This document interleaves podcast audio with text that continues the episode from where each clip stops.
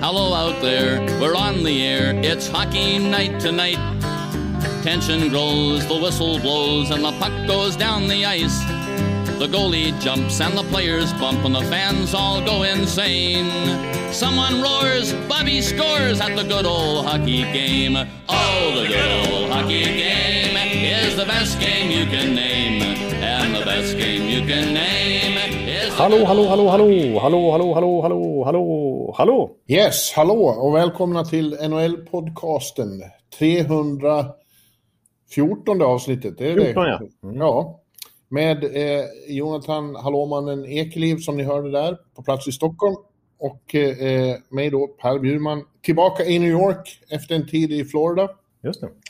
Eh, ett eh, snöigt och kallt New York. Det, eh, jag kan väl inte säga att jag julade ut från LaGuardia. Eh, efter, Nej, suttit, efter att ha suttit på Peter Simners veranda och tittat på hockey i några nätter när det har varit riktigt, riktigt varmt och skönt. Eh, och han har serverat fantastisk mat och, och poolen eh, har, har glittrat i, i månskenet och cikadorna har sjungit ute i buskarna och man har hört ankor fladdra förbi och, och, och ja, det har varit allmänt eh, förföriskt och underbart. Så kommer man till det här kung Bores hemska rike. Ja, detta New York, alltså vem vill vara där? Nej, ja, tro mig, just nu vill du inte vara här. Nej, det kanske stämmer. Även om jag skulle säga att det är ett eh, vinterland här också. Men det är mysigt tycker jag. Jag gillar ju vinter. Men jag kan förstå när man kommer från eh, nästan 30 grader i Tampa. Från Champa Bay skulle jag vilja kalla det. Och, och landa i, i, i vinterkaos istället. Det är omställning. Ja, ja, nu har jag varit i Lakewood Ranch nedanför Tampa och flög från Sarasota faktiskt. Har du flög från Sarasota? Mm. Ja, de har en liten flygplats också. Så att, eh, men, men vi ska inte sitta här och, och, sjunga klagovisor. Det är, eh, det är ändå okej, får vi säga. Jag förstår det. Jag tror de flesta tror att du ändå har haft det ganska bra och, och, och känner att det är nog inte så jättesynd om dig.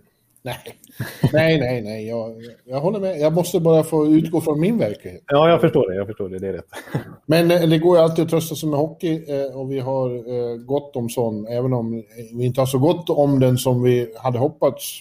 För att det är ju väldigt trassligt och rörigt nu med, med nedstängda lag och spelare som har covid och hela lag som sitter i karantän. Så det är, nu är det rörigt, Jonathan. Ja, nu är det rörigt. Nu är de uppe i 34 matcher uppskjutna och vi får se om det blir en till i natt om, om Vegas och Anaheim spelar. Och det kanske vore konstigt om de gör det med tanke på att senast de möttes i tisdags, vi spelar in det här på torsdag kväll svensk tid, ja, då var det ju så att Thomas Nosek blev bortplockad mitt i matchen för att det framkom att han hade ett positivt testsvar. Då. Och, eh, de ställde in presskonferensen och ställde in träning igår, men än så länge när vi spelar in det här, då har de inte ställt in matchen. Och vi har ju snackat om att det var tydligt inom hockeyn att lagen smittar varandra. Liksom, vi har ju sett hur, hur Buffalo blev nedsmittat av New Jersey för att man inte stängde ner, eller man inte liksom ställde in den matchen då, sköt upp när, eh, när New Jersey-spelare blev smittade. Så att, Ja. ja, det är rörigt. Och det finns ju röster som säger att de, de måste pausa ligan nu och så. Eh, Ja. Och andra funderar på hur ska det här överhuvudtaget gå. Mm. Men, men eh, det fanns ju med i beräkningarna från början och, och, och, och eh, det är inte oväntat att det här händer. Eh, Jag tror att det finns marginaler och i värsta fall får de göra som baseball som väl till slut inte... Eh, där man fick räkna ut poängsnitt istället för eh, totalpoäng. Om man inte hinner spela ut alla 56 matcher för alla lag. nej, det var någon som skojade och sa att eh, först till 56 matcher vinner. ja. Men å andra sidan, eh, det här kommer ju att bli bättre. Alltså jag vill ju påminna om att i SHL var det också jävligt mycket kaos under hösten. Ja. Och nu har ni inga inställda matcher alls. Nej, nu har det varit eh, betydligt färre. Det, man Ja, det- lär det här- sig lite efterhand. Ja. Ni lär sig och sen har det gått igenom alla lag. Det finns, inga, finns snart inga fler att smitta. Eh, och det kommer ju att bli samma här. Det har, det har, när det har gått igenom de flesta lag så, så kommer det att, och lugna ner sig och bli mer normalt. Skulle jag tippa. Ja, som jag förstår det så fanns det med lite i statuten att de skulle utvärdera, att det fanns utrymme för att utvärdera att de räknade med lite kaos första månaden och efter liksom, ja, just fyra veckor så skulle de eventuellt ändra lite i reglerna. Och visst har de gjort det redan nu eh, i form av några konkreta åtgärder. Till exempel som att ta bort plexiglaset bakom spelarna i avbytarbåsen för att få bättre ventilation och sådana grejer. Och de ska, det ska bli ännu mer rigorös testning och det kanske till och med blir så att man testar familjemedlemmar och sånt där. Framförallt så borde de ju, vad de nu borde se till och, och implementera är ju snabbtester på matchdag. Ja. Eh, det får ju vi utsätta oss för på garden. Så man tycker att även, det borde gälla även spelarna. Då. Ja. Så att det ja. inte blir så här att man tar, testar och så slänger man ut en nosek på isen och sen visar det sig mitt under match att han är smittad. Det är ju konstigt. Exakt, och så nu, jag menar, nu har han, han gjorde ändå 13 byten och har suttit där i avbytarbåset. Det är ju stor risk att han har smittat många i laget, och motståndarlaget också. Ja, det, man undrar hur det ska gå till exempel, jag menar, liksom väldigt aktuellt, det är ju de här Lake Tahoe-matcherna som man har sett fram emot. Lake Tahoe! Lake Tahoe, säger jag. Esposito heter han. Hallå, Labrato. Det här, det här var en av de värsta sen, sen Labroten och Esposito. Vad säger det igen? Lake Tahoe. och så brukar jag säga Boca Raton. Ja, nej. Ja. Lake Tahoe, eh, Jonathan, det är ett känd, känd geografisk, eh, eh geografiskt namn. Eh, där... Eh, brukar säga har... Yosemite istället för Yosemite och sådär. Ja, ja. Eh, där de har ett compound i Gudfadern. Det är ju i Lake Tahoe. Ja. I've been there. Ja, men jag, jag, står för ett par felsägningar varje podd, så jag tar inte det här personligt. Nej, det ska du inte göra. Ja, nej, nej, ja, Philadelphia är nedstängda just nu. Då. Ja, och, och, Vegas och Colorado ska ju mötas också som båda har problem. Ja, men vi får se. Vegas har redan varit nedstängd så det kan ju vara så att de flesta är immuna i laget också. Ja, rörigt är det som sagt. Och visst, det, det, vissa höjer röster som säger att det ska pausas, att man ska liksom ändra och tänka om och att man kanske ska förkorta säsongen och inte spela lika många matcher mot respektive lag och sådär. Men nu har de ändå kommit igång. Det är svårt att bara ändra mitt i steget, men visst, det är kanske...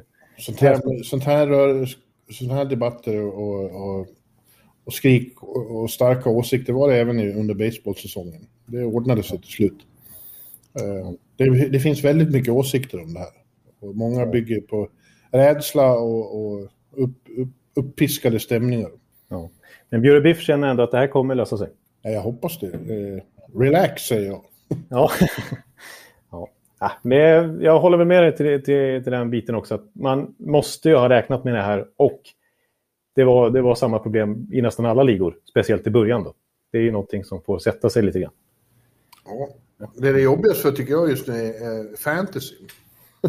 ja, du tänker så ja. ja. Det är svårt att få ihop en fantasylag varje vecka. Vad fan, de, är av... de spelar ju inte. Nej, precis. Och det vissa, vissa drabbas ju hårdare än andra också, vilket är svårt att förutse inför säsongen när man draftade. Liksom, att man, oj, man draftar massa Philadelphia-spelare till exempel? Ja, det gjorde till exempel jag. Jag har flera ja. stycken och jag har Washington-spelare, jag har Vegas-spelare, jag har Colorado-spelare. Men samtidigt så spelas det en massa hockey och, eh, eftersom det här är en, en ständig drama. NHL är en riktig drama queen till ligan, så det händer saker hela tiden. Ja, ja, verkligen. Eller hur? Ja, ja det, det jag brukar vi konstatera och, och, så tänker vi att nu har det hänt tillräckligt, men så dyker det upp massa konstigheter ändå. Alltid. Ja. ja.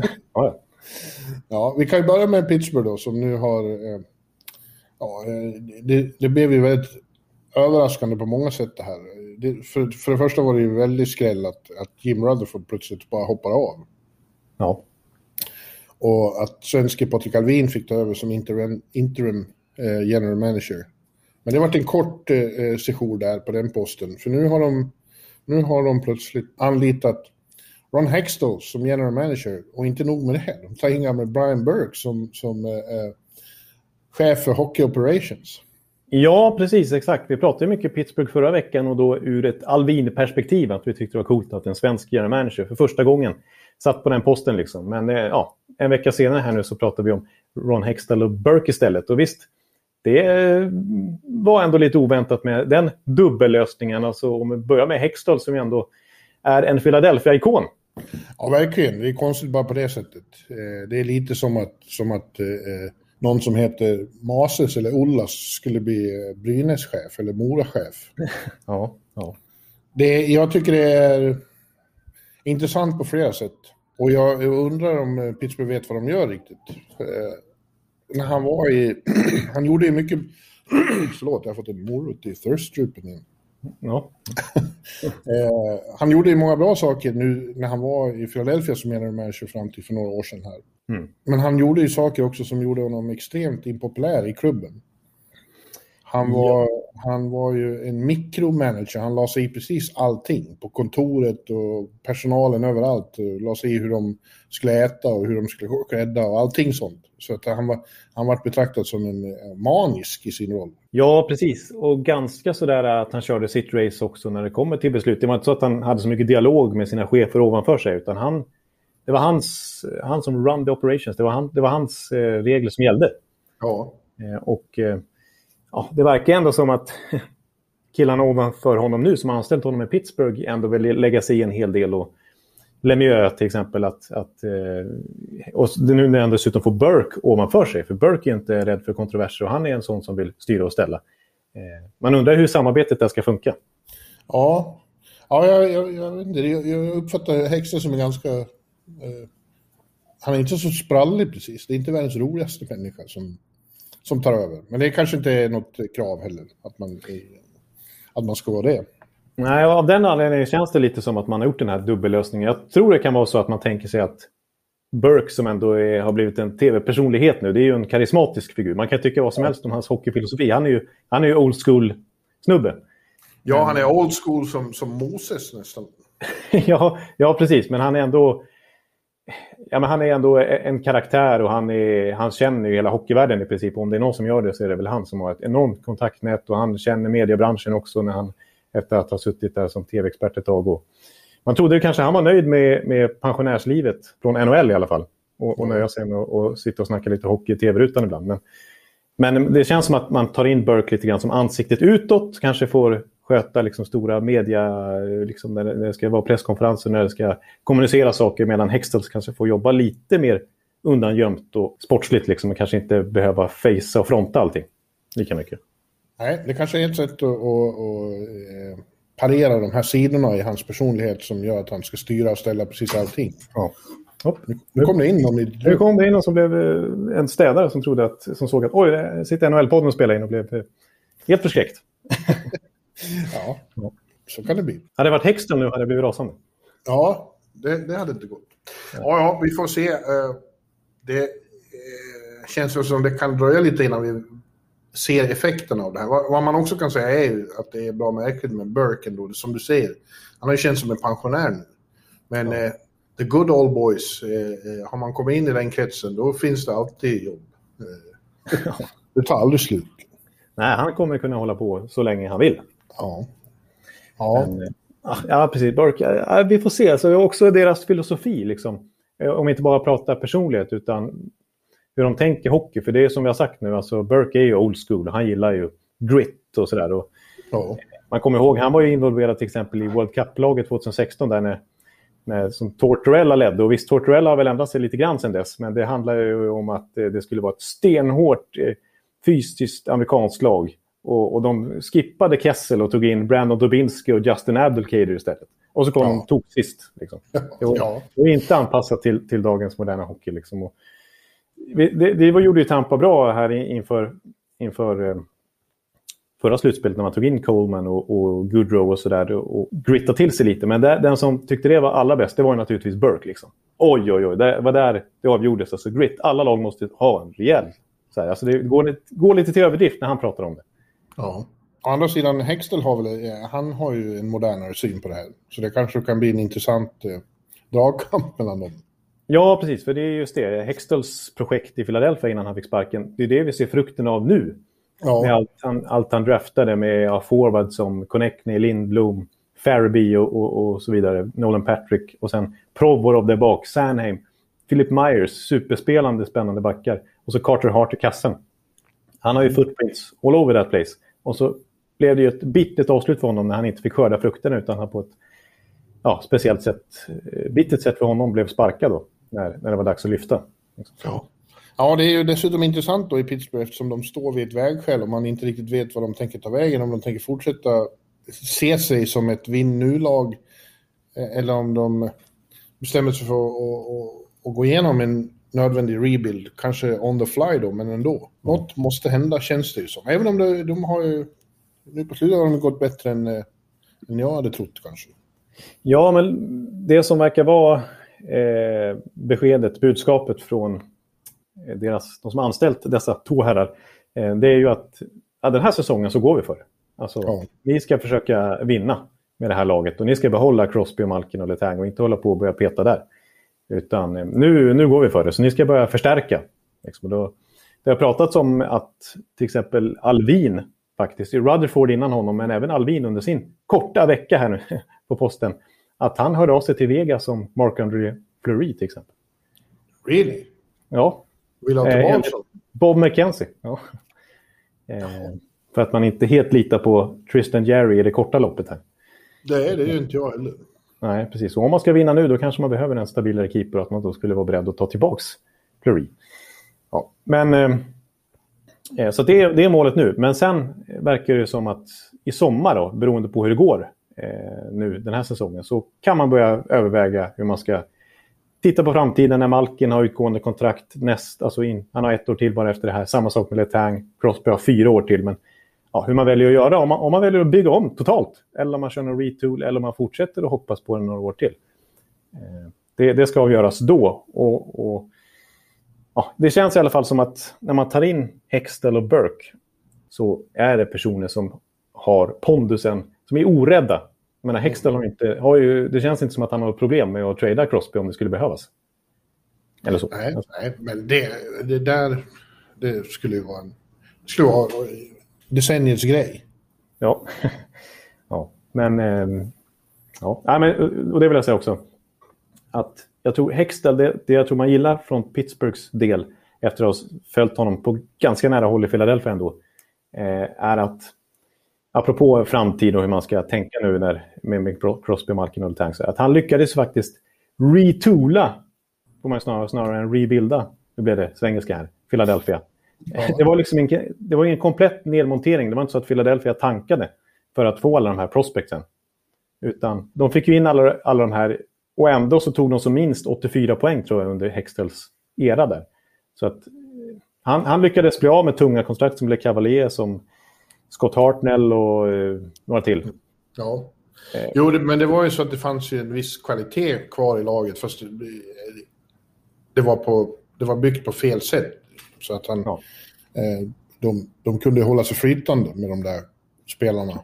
Men de hade ingen chans att, att, att gå särskilt långt.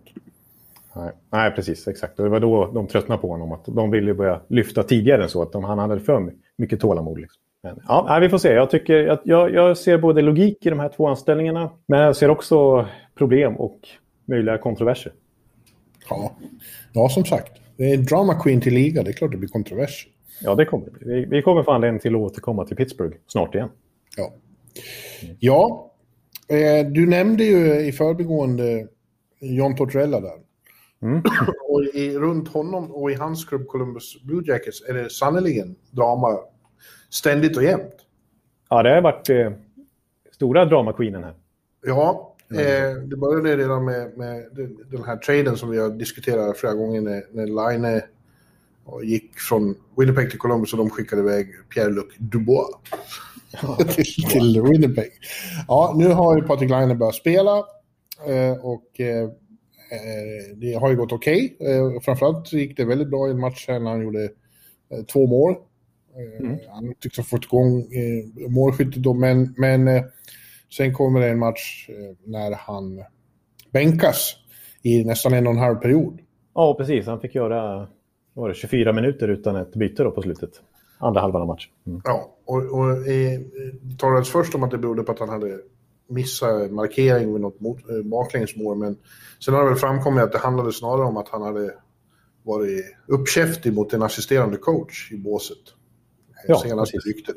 Eh, och det går inte i för sig i Tortorella-land. Nej, precis. Då blir man ju bänkad, vare sig man heter Line eller Dubois eller Atkinson eller Seth Jones eller eh, Eric Robinson nere i fjärde kedjan. Det är hans regler som gäller. Och det verkar som att Line har accepterat det här. Han har inte varit bitter på presskonferensen och sånt där. Vi ser ingen tydlig spricka redan nu, vilket ju man börjar spekulera i direkt när han blev bänkad så tidigt i, i Columbus karriär. Men han verkar ju eh, erkänna att han har gjort fel i det här fallet. Ja, men det, ja, det är ju bra. Men, men eh, han har den personlighet han har och han måste anpassa sig till, som flera med Torts i spetsen, men även flera av hans spelare har sagt så här gör vi här. Vi har en kultur som är så här och den kan man inte bryta mot. Nej. Och eh, det blir intressant, verkligt intressant att se fortsättningen på det här. Mm. För att Patrik Laine, Laine. Laine. Hur säger Jarko? Patrik Laine. ja. Jarko. Jarko. Han, eh, han har ju en personlighet som är väldigt stark. Han tar utrymme nästan som, han är lite finska hockeyns Zlatan. Ja, faktiskt. Och, och det är inte alldeles... Eh, det är inte lätt att tänka sig Zlatan och Tortorella ihop. Nej, det är en väldigt svår ekvation. Ja, det är sant. Nej, precis. Det kommer vara en liten eh, anpassningsprocess här som inte bara gäller själva hockeyspelandet utan hur han ska smälta in i laget och med Tortorella och i hans ja, det, det mest strukturerade bygget i hela NHL. Hur han ska ja. foga in sig där. Liksom. Ja. Ja, och sen har ju Tortorella, eh, han har antytt flera gånger att han tycker att eh, Line inte är i tillräckligt bra fysisk form. Ja. Att han måste få igång hans conditioning. Ja. Det är han ju också hård med.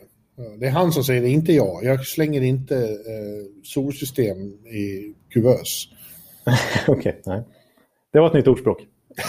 Det hade jag inte klarat av. Däremot har han gått väldigt bra eh, som han vars namn jag inte kan lära mig. Jack... Eh, Jack Roslovich. Ja, han har ju, han har ju varit den stora succén i den där traden så far. Ja, precis. Sju poäng på sju matcher. Avgjorde ju senaste matchen. Eh, han, mot Carolina. I, han trivs hemma i Columbus. Precis, the Columbus guy. Ja, det är lite oväntat att han är det stora utropstecknet hittills av de tre. Dubois har ju precis fått eh, komma ur karantän och debutera.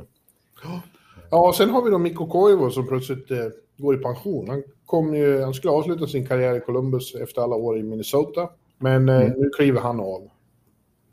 Ja. Intressant nog samtidigt som Line eh, kommer till, till eh, Columbus.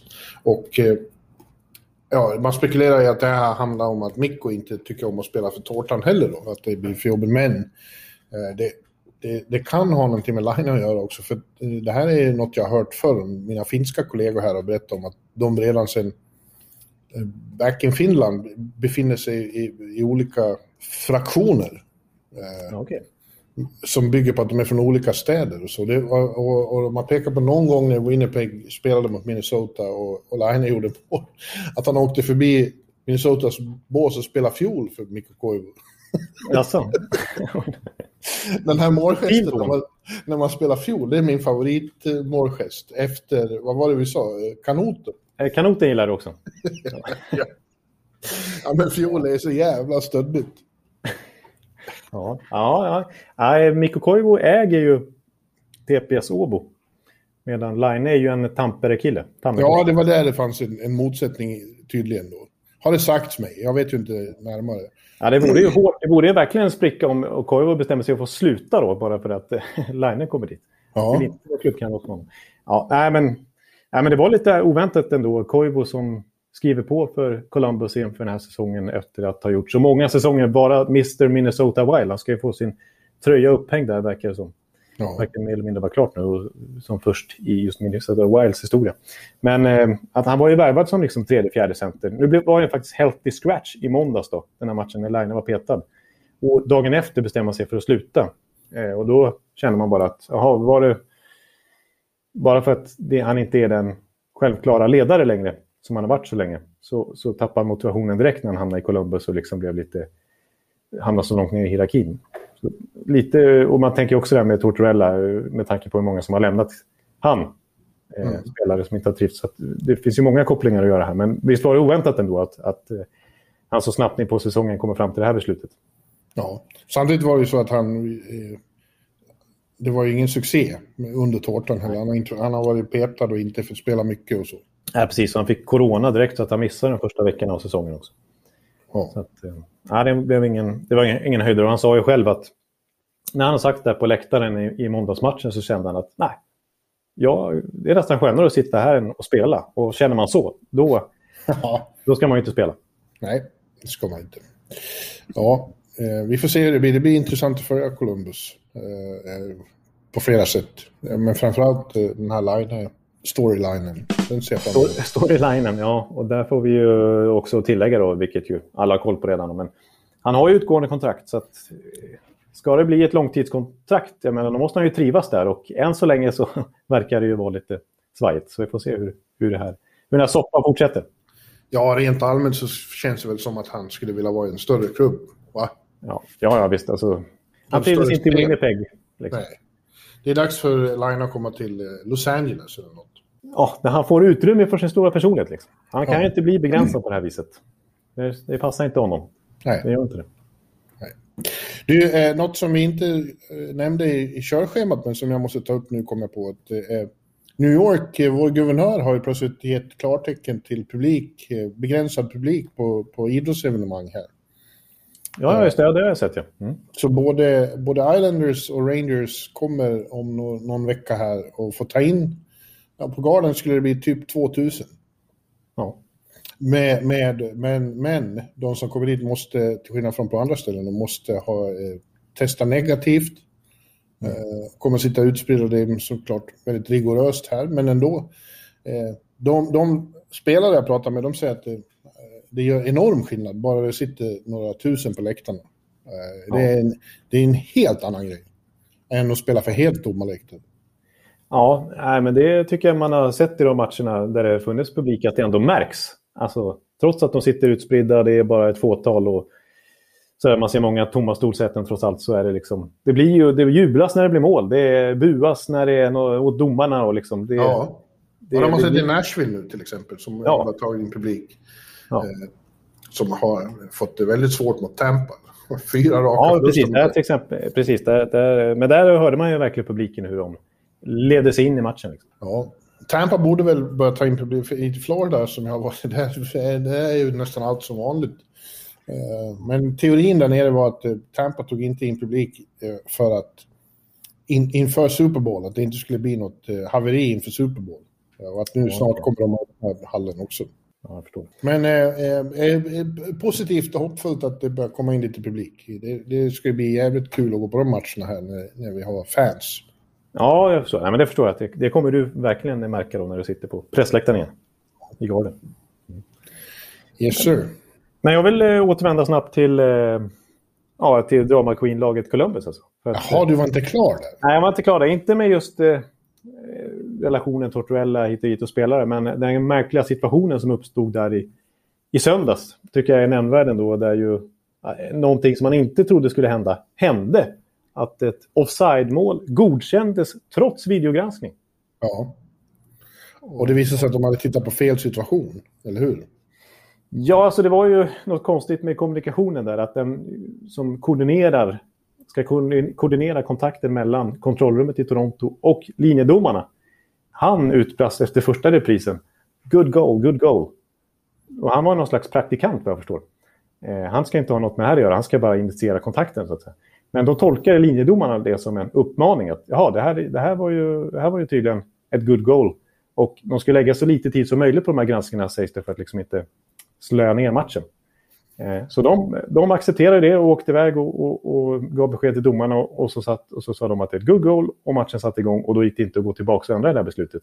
Samtidigt, i den här hörlurarna som linjedomarna hade haft på sig, eh, där skrek ju kontrollrummet, vad håller ni på med liksom? Vi, vi, vi håller fortfarande på att granska.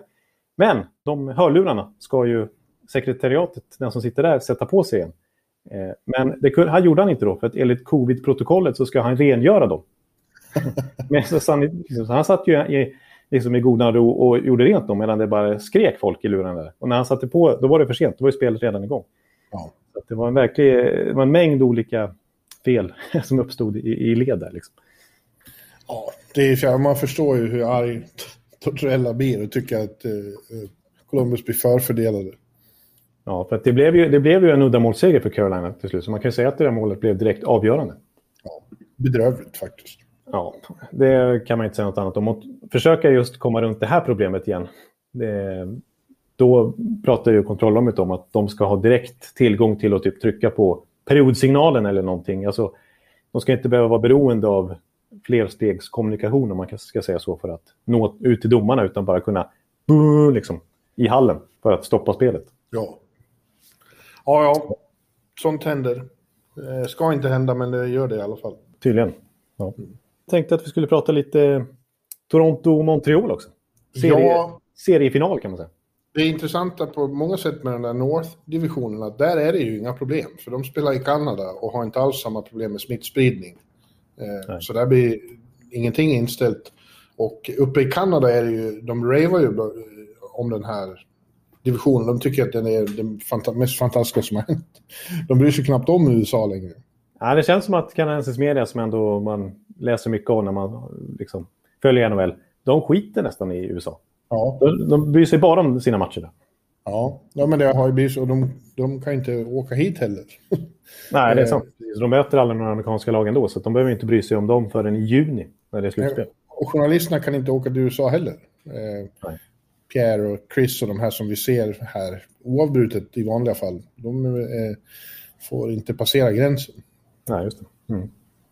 Och eh, bor de i Toronto får de inte åka någonstans. De är ju i, karantän, i lockdown fortfarande. Ja, just det. Ja. Ja, men eh, eh, så det har blivit världens grej i, i, i, Kanada och särskilt upphetsande för dem är det ju då att de två stora lagen eh, har sån framgång just nu, alltså Toronto och ja, Maple Leafs och Canadiens. Ja. De har ju dominerat den där eh, divisionen och eh, kan nog kanske påstås vara bäst eh, med, med, med viss reservation för Tampa och Boston då, så är det de två som är, som är bäst nu. Ja, ja, precis. Det får man väl säga. Det är ju Toronto. Nu har ju vissa lag spelat mer matcher än andra. Toronto är ett av dem till exempel. Men de har ju mest poäng i hela NHL just nu när vi spelar in där. Ja. Montreal kommer bakom. Ja, och igår möttes de äntligen och då vann Toronto i Bell Center. Eh, och gjorde en riktigt bra match. Så de tajtade till det väldigt för, för Montreal. Och det måste väl nästan vara det mest hoppingivande för livsfansen att det är inte bara det att de har ja, den välbekanta offensiva firepower de har. Eh, den, den känner vi ju till, men nu kan de också spela tight och, och inte ge motståndarna så mycket chanser. Eh, Nej. det är väldigt intressant. Ja, absolut. Det är ju en stor skillnad faktiskt. För som du säger, de brukar liksom score their way, their way out of trouble. Nu blev det konstig svengelska igen. Men att, att de vinner med, med 5-4 snarare än liksom 2-1. I det här fallet 4-1. Men Ja. eh, de, de släppte ju till väldigt lite målchanser i den här matchen och spelade väldigt tajt och tätt. Och liksom även såväl stjärnorna liksom som nere i fjärde kedjan så var det, följde de systemet på något vis. Så man, alltså, de har ju stärkt backsidan och till skillnad från förra året, jag har varit inne på det flera gånger, så är ju Massin skadefri nu. Så, nu, så är Riley skadefri nu. De har fått in Brody till exempel. Så att på pappret har de för en gångs skull en ganska stark backsida också. Ja, men det känns också som ett KIF-system har börjat sätta sig. Som alla, eh, samtidigt som de njuter av sina friare roller så har de också hittat en struktur i det. Ja.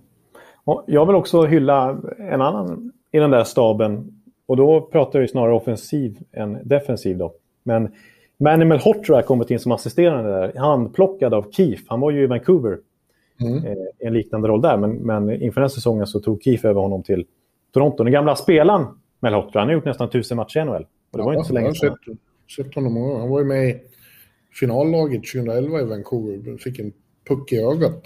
Som väl förstörde slutet av hans karriär. Ja. ja, men det är ju en ganska karismatisk typ som ju alltid varit lite så här... Allt, när han var spelarkarriär så var han lite så här good guy in the room-stämpel. Snarare än att han var en jättebra spelare. Han var ju ganska duktig i tvåvägscenter då. Eh, men han har ju varit hyllad efter karriären för att liksom, i kraft av sin egna spelarkarriär ha lätt att liksom kommunicera med spelarna och vara, lite, eh, en, vara en sån röst för spelarna att prata med för att nå tränarstaben. Liksom.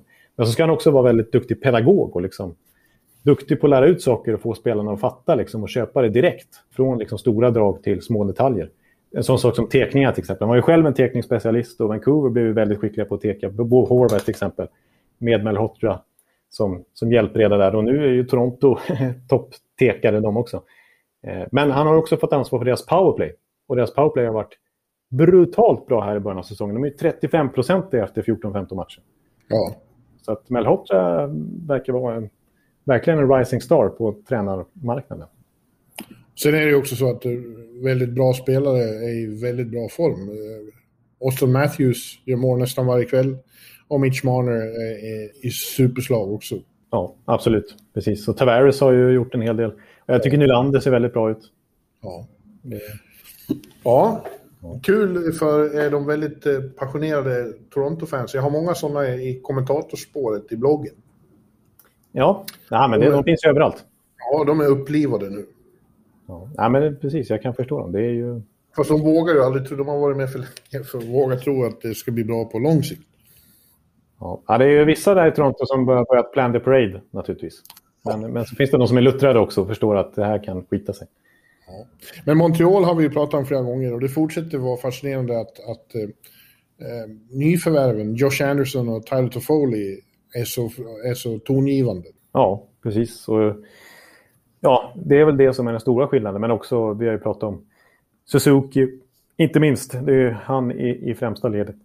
Men även Kotkaniemi och Romanov till exempel, alla unga som har tagit kliv framåt. Och även fått fart på äldre spelare, typ en Jeff Petrie är väl bättre än någonsin just nu.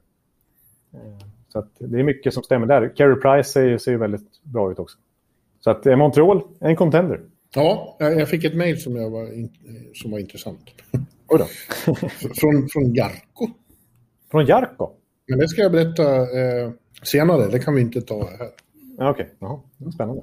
Men du, eh, ska vi komma in på, apropå Jarko, eh, så ska vi prata lite Finland, eh, ännu mer i det här avsnittet och vi ska prata Sverige. För förra veckan, i slutet av den podden, så hintade vi om att vi ska ha lite OS-special här i några poddar och ta ut våra trupper i och med att det är februari nu och nästa februari 2022, om nu inte corona ställer till det, så är det ju ett OS med NHL-spelare.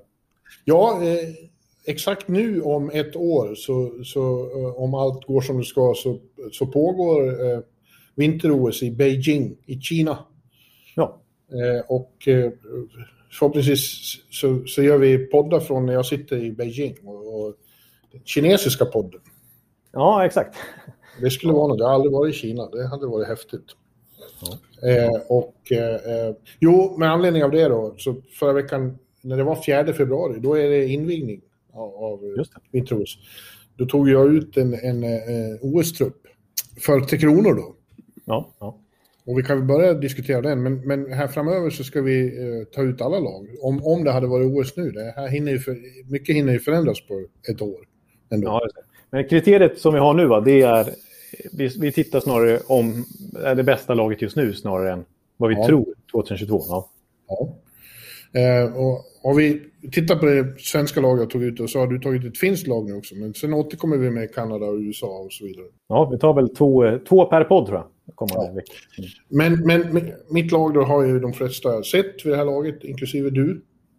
Ja, men det är eh, värt att diskutera lite i podden också. Mm. Ja, om vi börjar med målvakten, där är det ju inte så stor fråga om vilka tre det är som ska tas ut. Eh, frågan är vem av Jakob Markström och Robin Lehner som ska vara första målis. Det är ju, de slåss om första spaden på ganska lika villkor skulle jag vilja säga. Och så har de Linus Ullmark från Buffalo som backup. Ja, precis det. Den trion känns gjuten och Ullmark håller på att bli första keeper i Buffalo nu faktiskt. Ja, det är han. Det, det, det, det kan man nästan säga, det behöver man inte säga på väg, utan han, han är nog första valet. Ja, det är han. Mm. Men, men eh, Markan och Lena känns som de är ett, ett snäpp vassare. Och, Absolut. Mm. Och det är väl mer eller mindre dagsform som avgör det. Ja, ska man utgå inför den här, alltså, från den här säsongen och hur de har presterat de här inledande veckorna av säsongen så är ju Markström nummer ett, det skulle jag säga. Eh, inför säsongen hade jag nog lutat åt Lener. Jag, mm. jag tycker han normalt sett är väldigt stabil. Haft en lite svajig start i år, medan Markström är övertygat enormt i Calgary. Så just nu skulle jag säga Markström. Ja. ja. Backarna är det betydligt svårare att ta ut och jag fick peta några som jag är väldigt förtjust i och som jag, ja, jag är osäker på om jag kan argumentera direkt. För Rasmus Andersson har hamnat utanför till exempel och honom gillar jag väldigt mycket. Mm. Och när vi gjorde samma sak förra året vid den här tiden faktiskt, för då, då höll vi också på, eller inte riktigt den här perioden, det var snarare i våras förra året när vi inte hade så mycket att göra när NHL-säsongen var på paus. tog vi ut, mm. Eh, och då tog vi ut hur vi trodde det skulle se, se, ut 2022. Och då kommer jag ihåg att jag tog ut Rasmus Andersson. Ja. Jag har tagit ut dem jag, ty jag tycker är bäst. Jag har inte tänkt så mycket på... Liksom, jag, jag, jag, kommer, jag kan tänka mig att Garpenlöv kommer att tänka mer att vi måste ha några defensiva också. Och kanske också kommer att luta sig mot att han vill ha rutin i form av de, några gamla eh, trotjänare som Hjalmarsson, Edler eller, eller Strålman. Men de har hamnat utanför min trupp nu. Men det är inte omöjligt ja, men... att, Och jag skulle inte protestera om man tar någon av dem heller. Nej, men det är, nej, precis. Jag tror att det är några som har sprungit förbi hackordningen där. Så att det, Ja, mi, mina åtta backar då är, Hedman, Karlsson, Klingberg, Ekholm, Rasmus Dahlin, Oliver Ekman Larsson, Jonas Brodin och Hampus Lindholm. Mm. Och det är, ju, det är ju väldigt offensiv uppställning, det får man ju erkänna. Men då, då har jag Hedman, Klingberg i första backpar. Det brukar ju vara Hedman, Karlsson, men det känns som Klingberg håller på att bli... Eh, I år har ju han varit bättre än Erik så far. Absolut. Mm. Och sen Erik och Ekholm. Och Ekholm är ju mer, eh, där har vi en defensiv klippa också. De har ju spelat ihop eh, i till exempel World Cup, Erik Karlsson och Ekholm och gjorde det väldigt ja. bra då. Mm. Sen har Oliver, och Dalin då, eh, har vi ju diskuterat, det har inte gått så bra som eh, framförallt du hade hypat upp inför säsongen. Mm. Eh, men jag tror att inom ett år så kommer han att, att vara etablerad storback. Eh, jag tror det ändå. Potentialen finns ju, eller hur? Ja, ja, det så som jag har pratat om honom så kan jag inte vända tillbaka nu. Nej, tveklöst, så är det. Men sen är Brodin och, och Hampus Lindholm är också, båda har varit bra den här säsongen. Eh, de är mm. svåra att peta på. Liksom. Det finns, jag har fått mejl om det, Brodin borde vara i första backpar och så. Eh. Sett till den här säsongen så har Brodin varit väldigt, väldigt bra innan Minnesotas coronauppehåll här. Så att jag, ja, sett till, till dagsform just nu så då är det ju, ligger ju faktiskt till och med en sån som Erik Karlsson lite pyrt till skulle jag säga. Om det skulle vara turnering just nu och man ska välja de sex bästa backarna. Ja, då tycker jag att Erik Karlsson är lite tveksam faktiskt. Det är så, så pass. Fast det är för att han har... Det känns som att han har haft lite problem med motivationen. Att det har varit besvärligt för honom att vara borta från familjen och så. Precis, de har inte fått komma hem alls, San Jose. Mm. Men ja, det är möjligt att Brodin ska vara en, en av pjäserna bredvid Hedman och, och, och de här offensiva backarna. Han är ju extremt stabil defensivt också. Mm, och dessutom eh, visat lite offensiva tendenser här inledningsvis också. Liksom varit lite mer framfusig. Ja. Men, eh, ja, det är ju, det är ju det är åtta bra backar du har tagit ut och det finns ju några till som du säger som skulle kunna ha varit aktuella. Det finns en joker som jag glömde bort eftersom han är skadad hela säsongen. Det är ju Oskar Klevbom. Han är ju också aktuell om han är frisk. Precis. Precis. Februari 2022, då är det mycket möjligt att, att han är med i leken också. Kleffy. Ja. Kleffy. Mm. Absolut. Ja, det finns att välja på. Eh, och likadant är det ju framåt. Eh, där har jag också fått tagit bort några och jag har varit väldigt taskig mot Anaheim. Varken Rakell eller Silverberg kom med i min trupp. Och sen glömde jag ju bort Gustav Nyqvist och det fick jag ju höra omedelbart. Han nämndes inte ens som de som det var plågsamt att utanför truppen. Fick du höra det från huvudpersonen själv eller? Ja, det kom direkt sms. Men jag, kan ju, jag misstänker väl vem som hade sett det i tidningen och, och smsat honom direkt. Ja, jag tror att hans efternamn kan börja på Z. Det har gått via Skåne och tillbaks till Columbus. Men han är ju skadad så jag hade inte... Ah, han föll bort mina tankar. Och, och skrev det, ja tack, men då vet jag vad jag ska göra. Då vet jag när jag kan planera semester nästa år. Tack, det är fint att veta var jag står. Ja. Ja. Nej, men, men, men, men, eh, det svåra är väl att sätta ihop kedjorna då. Eh, jag, eh, så här ser de ut. Mm. Första kedjan är min, Filip Forsberg, Elias Pettersson, Viktor Arvidsson. Sen har jag Nylander, Bäckström, Elias Lindholm flyttar ut på en kant. Det mm. gör han ju ofta. Absolut. Mm. Eh, och sen har vi Landeskog, Zibanejad, Viktor Olofsson. Eh, mm. och så en, en checking-artad kedja med Eriksson Ek, William Karlsson, Patrik Hörnqvist, extra forwards André Burakovsky och Oskar Sundqvist var det många som reagerade på att det fanns eh, starkare namn. Men eh, dels så tror jag Oskar är användbar på väldigt många olika sätt och dels så ska han höja stämningen i truppen med sin förtjusande personlighet. Ja, och med hans, ja, hans fantastiska slutspel i St. Louis 2019. Det är svårt att glömma bort. Ja. Hur, han spelade ju mest i laget i vissa matcher där i, i det slutspelet och var ju extremt... Ja. Liksom, var han uppoffrade sig hela tiden. Och det, bra, gjorde mål också.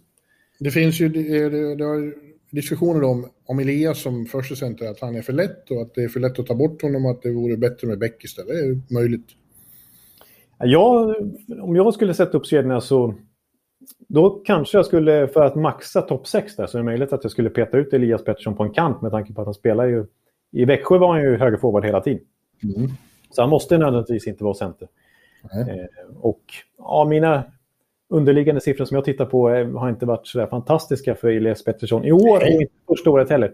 Förra året var ett stort undantag. Då, då verkligen drev han spelet. Men eh, annars har han varit lite eh, svaga siffror för att vara första center. Liksom. Eh, och kanske skulle hamna på en kant i ett svenskt lag om man ska maxa topp 6. För då, jag, jag, jag kanske skulle kört... Jag har skrivit upp i alla fall. Då skulle jag köra Landeskog, Zibanejad, Pettersson. Eh, Zibanejad har haft en väldigt trög start på den säsongen också måste man säga. Ja, verkligen. Men eh, det är ju ändå Zibanejad och Pettersson som är...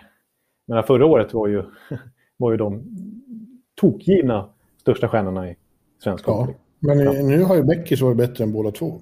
Precis. Men eh, ja, jag, jag har satt också, nu ska inte jag ta ut något lag, men jag har några kedjor i alla fall. Eh, ja, då är frågan om man ska sätta upp Forsberg topp 6 och liksom släppa Arvidsson för att... Ja, jag, ju... jag, tycker de är så samspelta. Sen har jag en... en, en, en ja, Bäckis och Nylander trivs bra ihop och så Lindholm, är, jävlig connection där. mm. Ja, ja, men det, det, det förstår jag. Eh. Ja, jag har, jag har faktiskt eh, Bäckström och Nylander ihop också. De var ju så fantastiska i VM och, och de har ju känt varandra sedan Nylander var tre bast ungefär. Och Hörnqvist har ju alltid haft eh, bra kemi med Bäckström och också med eh, Nylander från VM 2019 till exempel när Nylander eh, slog Nisse Nilssons poängrekord för svenskar i ett, ett hockey-VM. Då spelade han hela tiden med Hörnqvist. Ja, eh. Bengan ska ju vara med mycket i powerplay. Jag, är väldigt förtjust i den där checkingen. Jag tror att det skulle vara väldigt otrevligt att möta Eriksson Ek, Wild Bill och Hörnqvist. Ja. Jo. Ja, det, det, man, det finns ju oändliga kombinationer här nästan. Och, och, Lindholm som du säger kan man laborera med både som center, som ytterforward och som ja, lite längre ner i kedjehierarkin eller i första kedjan. Liksom. Och så har vi Golofsson som kan smacka på sitt skott där. Det finns många vapen i den här ja. uppställningen. Ja, och Burakovsky skulle säkert många ha med bland eh, fyra kedjor också. Men sen är frågan om man, hur man vill ha det. Om man vill ha liksom, all talang eller om man vill ha lite mer rollspelare också. Typ som en Oskar Sundqvist som du tar ut eller en Joel Eriksson Ek. Ja, ja visst. Ja, men jag, det ser ju bra ut i ett lag, det kan jag inte förneka. Nej, du tror att de kommer att göra bra ifrån sig i, i den kinesiska vintern? Ja, det har jag en känsla av också. Eh, ja, men eh, det tror jag att det här laget som jag har tagit ut kan göra också. För jag ja, har fått ta ut, eh, ja, nu känner sig Jarko lite förbisedd här och skulle säkert vilja hoppa in i podden och, och vara förbundskapten här. Men eh, jag kliver in som finsk förbundskapten. Jag är ju trots allt halvfinne. Ja, om, om, du vill se det så. så. ja, eh, så att eh, vi börjar väl med keeprarna för finsk, finska laget också. Och här finns det ganska många att välja på. Mm. Eh, det finns ju ett gäng finska målvakter i NHL, men jag säger väl att Tuka Rask fortfarande är första keeper. Ja, det skulle jag också säga. Eh, så är det. Sen, eh, sen är det svårare. Och här har jag en skräll på... Av, av en av tre, men eh, som nummer två sätter jag Korpisalo. Ja, vänta, vänta. Jag måste gå in och titta på finska målvakter. Ja, du vill se, se framför dig vad du har. Eh, ja, men jag säger dem, jag rabblar upp dem. Rask, Korpisalo och formen just nu, skrällen, sätter jag Kevin Lankinen. Ja, ja, ja. ja. Eh, jaha. Ja, Pekka är ju inte aktuell längre. Och Nej. Koskinen är inte tillräckligt bra. Nej. Och Saros är inte heller tillräckligt bra. Det är om Antiranta väl... kommer igång då. Precis, det är väl eh, Ranta och alltså, jag tror många inför den här säsongen kanske skulle ha satt Saros som nummer tre. Men med tanke på hur Lankinen verkligen imponerat som liksom tredje fiol inför säsongen i Chicago. Nu ganska given första keeper efter visserligen bara tre, fyra veckor. Men alltså eh, Chicago har ju nästan genomgått en defensiv metamorfos med Lankinen mellan stolparna. För att sen han gjorde sin första match, han inledde som tredje målvakt fick ju debutera där efter tre, fyra matcher för att det kastades in puckar av både Subban och, och Delia inledningsvis. Eh, så har, om man, tar nu blir det en avancerad statistik igen, men, men om man tar insläppta mål per 60 minuter spelade i 5 mot 5 så är faktiskt Chicago det lag som har släppt in näst minst antal mål efter Tampa i den statistikformen. Ja, han är svaret på... Eh, vi trodde att de inte hade några målvakter och, och det har varit ett, ett, en lyckträff med honom. Dessutom är han ju gammal, eller gammal, men han är ju tidigare landslagshjälte för dem också. Precis, och det är ju just Jukka Jallonen som är förbundskapten även fortfarande och kommer vara det i allt, allt att döma i OS och Det var han som hade Lankinen eh, då. Vad man har förstått så är Jallonen lite så här... Han gillar att hålla fast vid sina favoriter. Mm. Så att har man liksom imponerat inför hans ögon tidigare, då, då, då, då ligger det kvar på näthinnan. Liksom. Ja. Så att, eh, Rask, Korpisalo och Lankinen tar ut och strax utanför Ranta och Saros. Yes. Mm. Och backarna då? Ja, där har jag lite, haft lite... Det, de har ju mycket bättre backar nu än vad de haft tidigare, Finland. Ja, men inte superuppställning. De har en, nej, det, de har en superstar eh, ja. i, i Heiskanen, men sen är det väl... Ja, det är okej, okay, men inte eh, än i alla fall så att de eh, slår en med häpnad.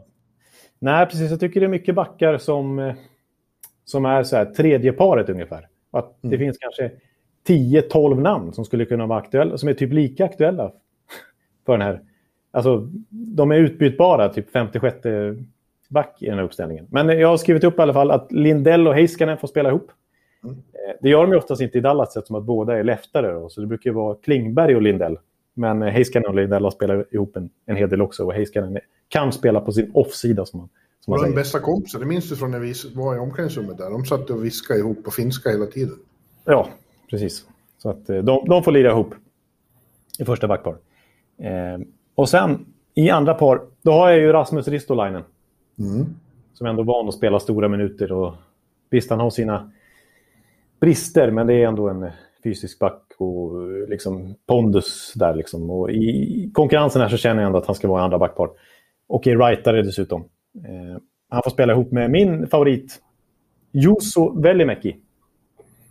Ja, just det. I Calgary. I Calgary. Som jag sa ju inför säsongen att, att där i Calgary snackades om att, att han skulle kunna vara en Calgary Trophy-kandidat här. Mm. Eh, och i Finland har man ju väldigt gott öga till honom sett till hur han fullständigt dominerade i den finska ligan då, under hösten då, när han var utlånad till Ilves fram till att NHL-säsongen satte igång. Och börjat väldigt starkt och etablera sig i NHL nu. Eh, gammal JVM-kapten dessutom. Så att, eh, jag säger att Velimäki och Ristolainen får spela i andra backpar. Och sen i tredje, ja, det är där jag har, jag har svårt, för det finns så många namn här. Men jag säger att, att Mikko Lehtonen tar en plats. Eh, som har varit som KHL-kung senaste åren och nu kommit över till Torontos organisation. Inte fått spela så mycket inledningsvis visserligen. Men det är också en sån här gammal Jallonen-favorit. Han var ju med i det här äh, VM-laget som sensationellt tog VM-guld 2019. Så jag tror Jallonen har nog svårt att peta Lehtonen. Eh, och han får spela med, här har jag skrivit upp fem, jag har skrivit upp sex, fem namn som skulle kunna vara aktuella. Men jag, jag, säger, på rutin säger jag att, att eh, Sami Vatanen får den platsen. Och han är rightare dessutom, för jag vill ju gärna ha den här eh, left-right liksom. Ja. Eh, men eh, du har ju pratat till exempel om Hakanpää i Anaheim. Ja, och sen finns det Ville Heinola som inte har spelat så mycket än för Winnipeg, men det är ju en stor talang. Eh, ja. Och vad gäller rutin så finns ju också Olli Mäti. Precis, men jag, jag tycker Mätt, eh, nej, jag tycker han, har, han är ju 26-27 år. Han var med länge nu. Precis, eh, så han slog igenom tidigt där och, och var ju given i Pittsburghs backuppsättning vid deras dubbla kupper där. Sen gjorde han en Tom Brady och, somnade på balkongen. Ja, just det. Men sen dess har hans karriär inte varit speciellt bra. och varit i Chicago och han har varit han är halvgiv, liksom halv utanför laget i Los Angeles inledningsvis den här säsongen. Så jag tycker några andra namn har gått förbi. Eh, du nämnde Heinola. Vi har ju Jocke Harjo i Buffalo också. Mm. Vi har eh, Joe ja. Levy. Ja. Men nu går vi till forward, för där känns det, så jag är spänd på. För att eh, mm. det känns som Finland kan få ihop ett par riktiga superkedjor. Absolut, alltså två första kedjorna i alla fall är ju eh, dunderdynamit här alltså. Ja, verkligen. Eh. Dunderdynamit är ordet. Ja, och sen... Det får du sätta som rubrik när du slänger ut den här. Dunderdynamit i, första, i, i de två första kedjorna. Ja, ja faktiskt. Eh, ja, eh, sen, innan jag tar dem så måste jag bara säga att sen är frågan hur de ska resonera med de två andra kedjorna. Om de ska, om de ska liksom ta rollspelare där och liksom spela lite Jallonen-hockey som i som i eh, Hockey-VM 2019. Och tråka ut motståndarna lite. Eller om de ska köra på power och bästa offensiva kvaliteten de har överlag. Men frågan är om det räcker mot Kanada och, så och Ryssland. Så mm. Men eh, då, nu tar vi dynamitkedjan i alla fall. Mm. Och första kedjan. Patrik Laine. Aha. Alexander Barkov, de Ja. två Tampere-polarna. Ihop med Mikko Rantanen. Ja. ja, det är en av de bästa kedjor som går få ihop i världen faktiskt. Ja, precis. Jag, Ja, men det jag- är ju det. Det är inget Ja. skämt. Nej, nej, absolut. Det är ju tre... Alltså, Line har kanske inte riktigt fått det där extrema genombrottet än, men det är ju alltså i finska landslagströjan är ju alltid fantastiskt bra. Då, då, då släpper man ju lös totalt liksom. Ja. Och Barkov är en av världens bästa centrar. Fortfarande gravt underskattad. Det, det säger ju de svenskar man pratar om med i Panthers nu. De har ju... Bengan säger det. Jag, jag har ju tyckt det länge, men nu när jag spelar med honom så är det helt... Vilken otrolig hockeyspelare. Ja, precis, och han kanske kan eh, putsa till lite av Lines defensiva brister. Liksom. Det, det kommer inte märkas när han spelar med Barkov. Nej, Jag kommer bara line igång med sitt mål. Alltså, han är fortfarande en, en av världens bästa skyttar. Han kommer att få ganska free reign i finska landslaget. Det kommer inte att vara tårtan tyglar där. Nej, nej precis. Och Jallonen var ju faktiskt förbundskapten för JVM-laget 2016. Där ju Line var kung. Så att eh, Jallonen gillar ju Line. Eh, Ja, så, men vi kan, vi kan ge andra kedjan. ja, då blir det ju Terveinen och Aho, Ja. radarparet. Och sen är frågan vem man ska sätta som tredje länk där. Och ja, jag väljer en liten skräll, men jag sätter eh, faktiskt Jesse Puljujärvi. ja, det var en, ja, lite skräll. Ja, precis. Men han börjar faktiskt komma igång lite nu i Edmonton. Ja, det gör han. Han skjuter fruktansvärt mycket. Ja, precis. Så, eh, det här, nu tittar jag faktiskt, nu är det lite oklart vad våra kriterier är om vi ska titta nu eller, eller sen. Men om, om, vi, om vi i det här fallet tittar på 2022 så är det inte omöjligt att Puljujärvi har kommit in i det ännu mer då.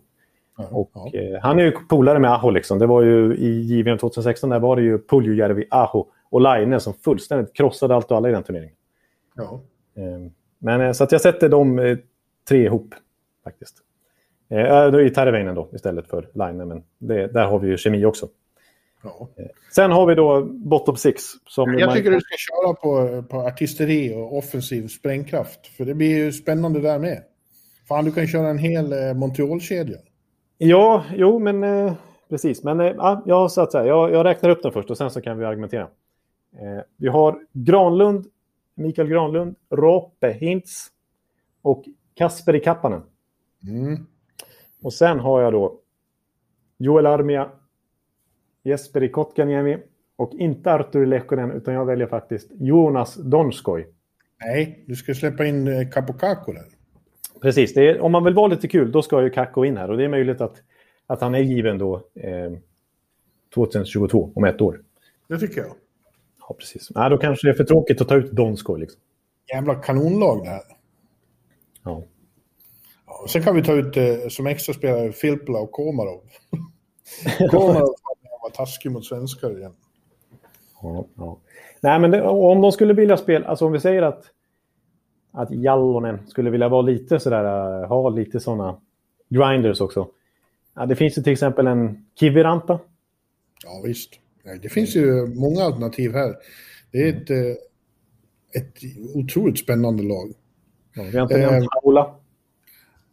Nej, precis. Så Han känns i och för sig lite på nedgång. Ja, det, jo, precis. Nej, det känns som att han, han tar inte plats på, fyra kedjor. Nej.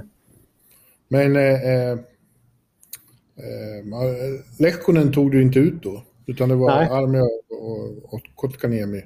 Eh, ja, nej. Eh, Tolvanen kan ju kanske få ett, eh, ett stort eh, ryck här i Nashville. Ja, just nu. Han gjorde ett fint mål mot Tampa till exempel. Det gjorde han faktiskt. Men sen eh, jag är nere i taxi nu. Det verkar, det verkar som att de inte riktigt... Ja, men det är för att de har en coach som inte kan coacha lag och inte vet hur man ska spela hockey. Nej, du, du är stenhård mot Heinz. Jag hoppas att de kommer att byta coach Sen har du en, en intressant i, i, en annan intressant i Florida är ju Heponiemi. Ja. Absolut. Och vid här, vid, om ett år så kanske han också är, är med i diskussionen. Mm. Ja. Ja. Ja, det finns ju att ta av i finsk hockey alltså. ja, men jag gillade att du tog ut Puljujärvi i den där kedjan. Det var ju jävligt spännande. Ja, bra.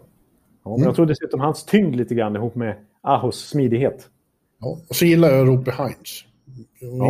Om, inte annat så för att Rope är ett så grymt namn. Ja, det är det verkligen. Det Jag vill är heta Ro, Rope Bjurman. Rope Bjurman. Ja. Jag gillar å andra sidan Pat Bjurman. Ja, då är, det är för att du har sett att jag kallas så i Buffalo. Ja, precis. Och vet du vad jag vet mer apropå det här? Nej. Per Bjurman, Finnish Media, New Jersey. Ja. ja, det gick en hel säsong med. Det stod inte tidning, det stod bara Finnish Media. Ja, det var din akkreditering i New Jersey. Ja. Ja. Nej, men det är ett starkt eh, finskt eh, lag onekligen. Alltså. Och det finns flera olika kombinationer här också som Jallonen får laborera med. Men eh, väldigt många bra i alla fall. Ja. Så att de kommer verkligen vara med och utmana på ett annat sätt skulle jag vilja säga. Det kommer inte vara Jallonen 2019 eh, laget i VM, den här ultradefensiven, utan det här finska laget skulle ju kunna föra faktiskt matcher mot Sverige, mot, kan, inte kanske mot Kanada, men mot... De kommer väl kunna vara med och hota offensivt och liksom ta tag i taktpinnen på ett annat sätt än vad de gjort tidigare. Ja. Ja jag, tycker, jag tycker det känns det ska bli... Det kommer bli bland det roligaste för Finland, måste jag säga. Ja, det är ingen hög medelålder på det där laget. Nej, grymt. Ja, men... ehm, Ja, det, då, då har vi Sverige och Finland avklarade. Och nästa vecka, vilka lag, eh, vilka länder kanske vi ska säga, tar vi då? Kanada och USA. Oj, oj, oj. Oj, oj, oj. Ja, Kanada har ju en massa kanadensiska med. De har bara, Athletic har ju tagit ut alla trupper då. Kanadensiska trupperna har de, tagit, de var väldigt konstigt tycker jag. Eh, Hur, hur, de, hur lojala de är mot gamla trotjänare. När de har så mycket annat spännande på gång. Ja. Ja. I Kanadas fall så kan man ju ta ut tre lag i alla fall. Som är, Men skulle kunna vinna OS. alla tar ut Drew Dowdy till exempel. Jag, jag, jag tycker inte det behövs längre. Nej, det finns ju McCarr och, och Shea Theodore. Ja. ja, det blir spännande. Vi har en, en vecka på oss att fundera på det. Ja.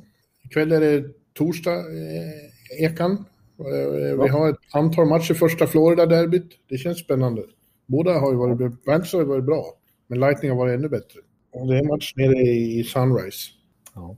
Och Florida har än så länge inte fått stöta på riktigt eh, toppmotstånd faktiskt i divisionen än. Nej, men det tror jag blir en match jag ska koncentrera mig på. Jag ska blogga ikväll. Det var länge sedan jag satt i, i den vanliga korrsoffan. Eh, och det har blivit lite spretigt och, och inte så mycket bloggat. Eh, eh, det blir så när man sitter på en veranda så är det... ja, jag förstår det. Det är svårt att, att fokusera på ett tangentbord då. Liksom. Ja, och med, med goda vänner och så. Det blir, det blir för rörigt. Men nu, nu, nu jävlar. Ja, jag tror ändå, även om du är lite deppig, så tror jag att du ändå har lite ny energi att komma med nu faktiskt. Ja, jag är inte så deppig. Nej. Eh, jag är på många sätt glad också. Min mamma fick sin andra eh, vaccinspruta igår. Det var mycket bra. Jaha, Så hon, är, eh, mycket bra. ja, hon har skydd nu. Eh, ja, och imorgon om allt går som det ska, då går jag på match på Garden. Då är det Rangers Bruins igen. Just det. Och snart går det dit med 2000 andra. Med några Gris-Olle. Jaså? Gris-Olles comeback. Ja, du vet, Gris-Olle det är inte en specifik person. Det är ett slags karaktär på Garden. Ja, just det. ja, just det. Det är de, ja. Jag vet vilka, vilka du syftar på. Ja, ja men eh, eh, eh, som sagt, en, en drama queen till liga så om en vecka har vi garanterat nya eh, underligheter att diskutera. Ja, det är jag helt säker på. Så att, eh, vi säger eh, att vi, ni alla får ha det gött tills dess och på återhörande. Yes. Tack och bock. Hej, hej! Hallå, hallå, hallå. Hallå, hallå, hallå. Alex Chiazot, Joe Luis Arena och Esposito. Esposito. Uttalsproblem, men vi tjötar ändå. Och alla kan vara lugna, inspelningsknappen är på. Bjuder Hanna Kohl, han är grym i sin roll. Från korrespsoffan har han fullständig kontroll på det som händer och sker. Det blir ju allt fler som rattar in hans blogg. Och lyssna på hans podd. One, two, times speed, so Hallå, hallå, hallå. One, two, times speed, so Hallå, hallå, hallå. Ekeliv, som är ung och har driv. Verkar stor och stark och känns allmänt massiv. Han hejar på Tampa och älskar Hedman. Sjunger som Sinatra. Ja, och där ser man. Nu är det dags för refräng. Dags för magi, Victor Norén. Du är ett geni. Så stand up at home and remove your hats. Höj volym, för nu är det plats. One, two, times speed, so Hallå, hallå, hallå. One, two, times speed, so Hallå, hallå, hallå. One, two, times speed, so Hallå, hallå, hallå. One, two, punch, speed, så på målplan. Hallå, hallå, hallå. Det er utroligt længe siden mor, der samtidig trods har råd. Hallå, hallå, hallå. Det er utroligt længe siden mor, der samtidig trods har råd.